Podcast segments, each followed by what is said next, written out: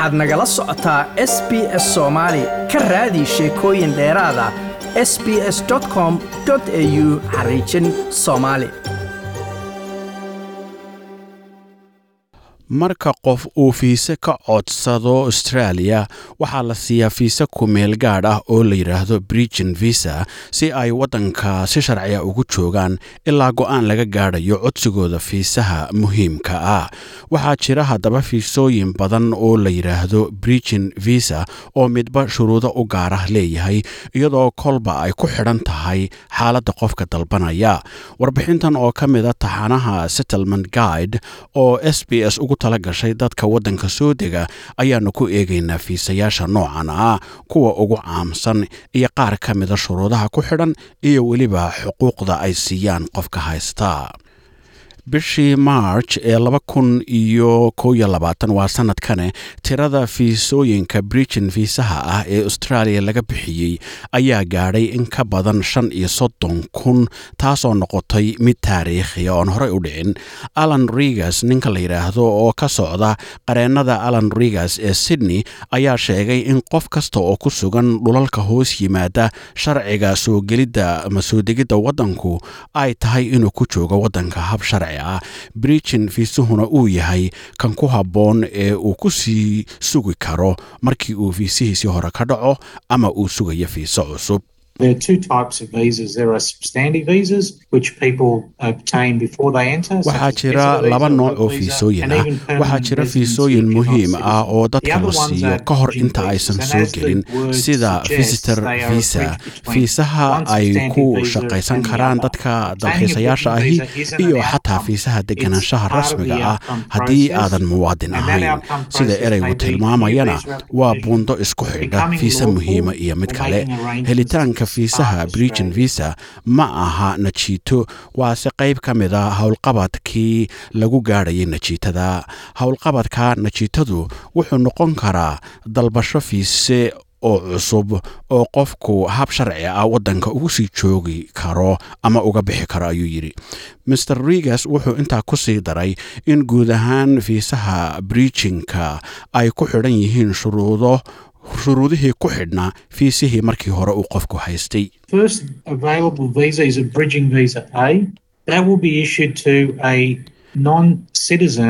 Fiisaha ugu horreeya ee la heli karaa waa bridgin visa a oo la siiyo qof aan u dhalan waddanka laakiin si sharci ah u dalbaday fiise muhiim ah isagoo weli haysta fiise nool.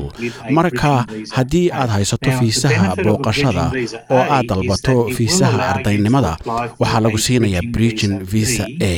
faa'iidada haysashada if visa a waa in ay ku ogolaan doonto inaad dalbato bridging visa visa A. b kaas oo kuu sii ogolaan doona in aad safarto marka haddii aad si sharci ah u dalbato fiise inta fiisahaagii hore sii nool yahay waxaa lagu siinayaa bridgin visa a ayuu yidhi bridgin visa b wuxuu dadka u ogolaadaa inay kaga baxaan oo ku soo noqdaan australia muddo cayiman. Inta dalabka fiisahooda muhiimka ah laga shaqaynayo sidaana waxaa sheegay ravi vaswami oo ka tirsan garyaqaanada socdaalka ee pocket legal. A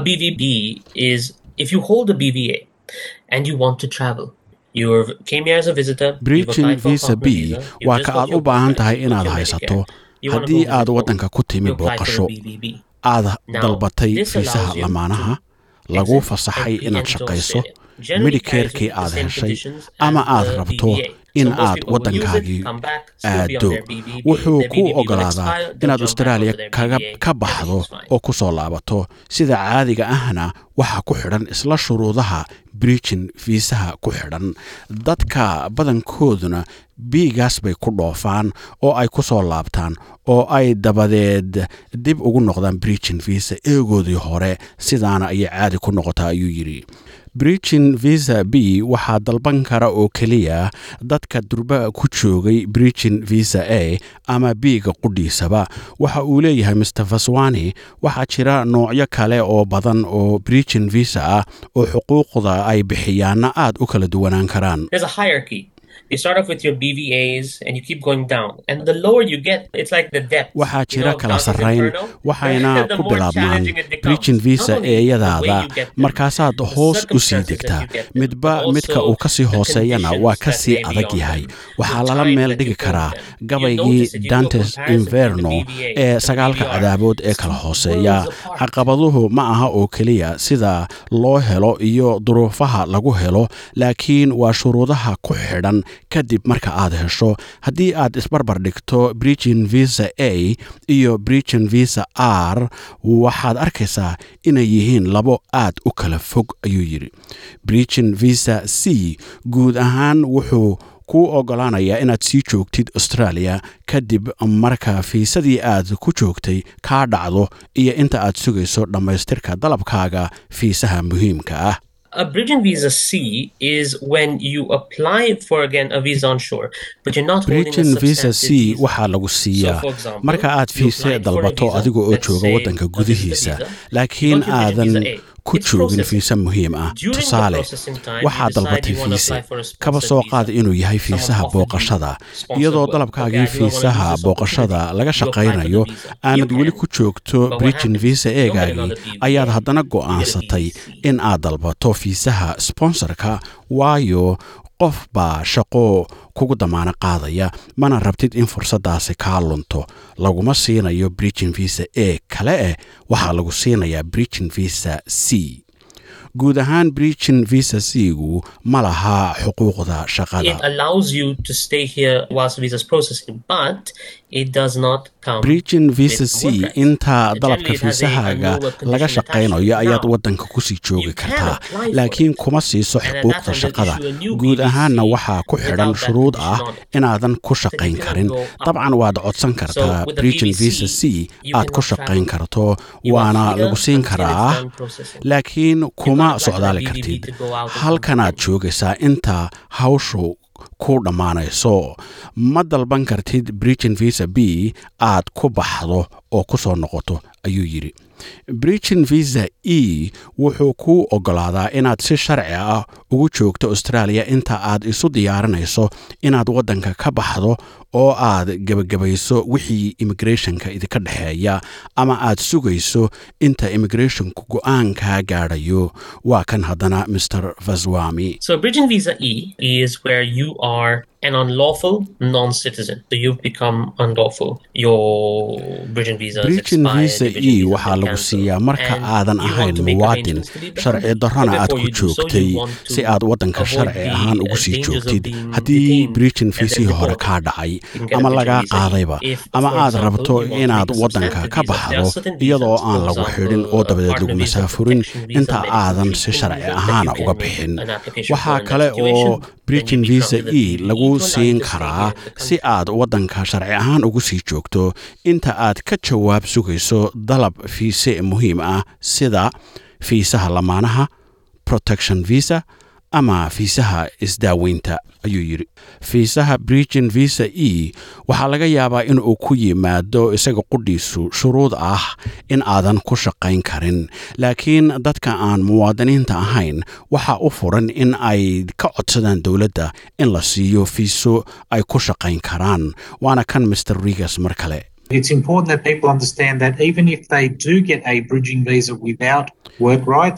Marka waxaa muhiim ah in dadku fahmaan in xataa haddii la siiyo need visa aan lahayn xuquuq shaqo laakiin ay qabaan baahi ku khasbaysa shaqo oo ay go'aamiyaha ku qanciyaan inaanay ka fursanahaynin inay shaqeeyaan sida iyadoo lacag la'aani ku dhacdo ama uu wasiirku ku qanacsan yahay in fiisahooda shaqada la ansixin doono taasoo alaaba dhacda marka qofkii damaano qaaday dalabkiisii la aqbalay oo fiisihiiba la sugayo xaaladahaas oo dhan qofku wuxuu dalban karaa ogolaansho shaqo ayuu yidhi.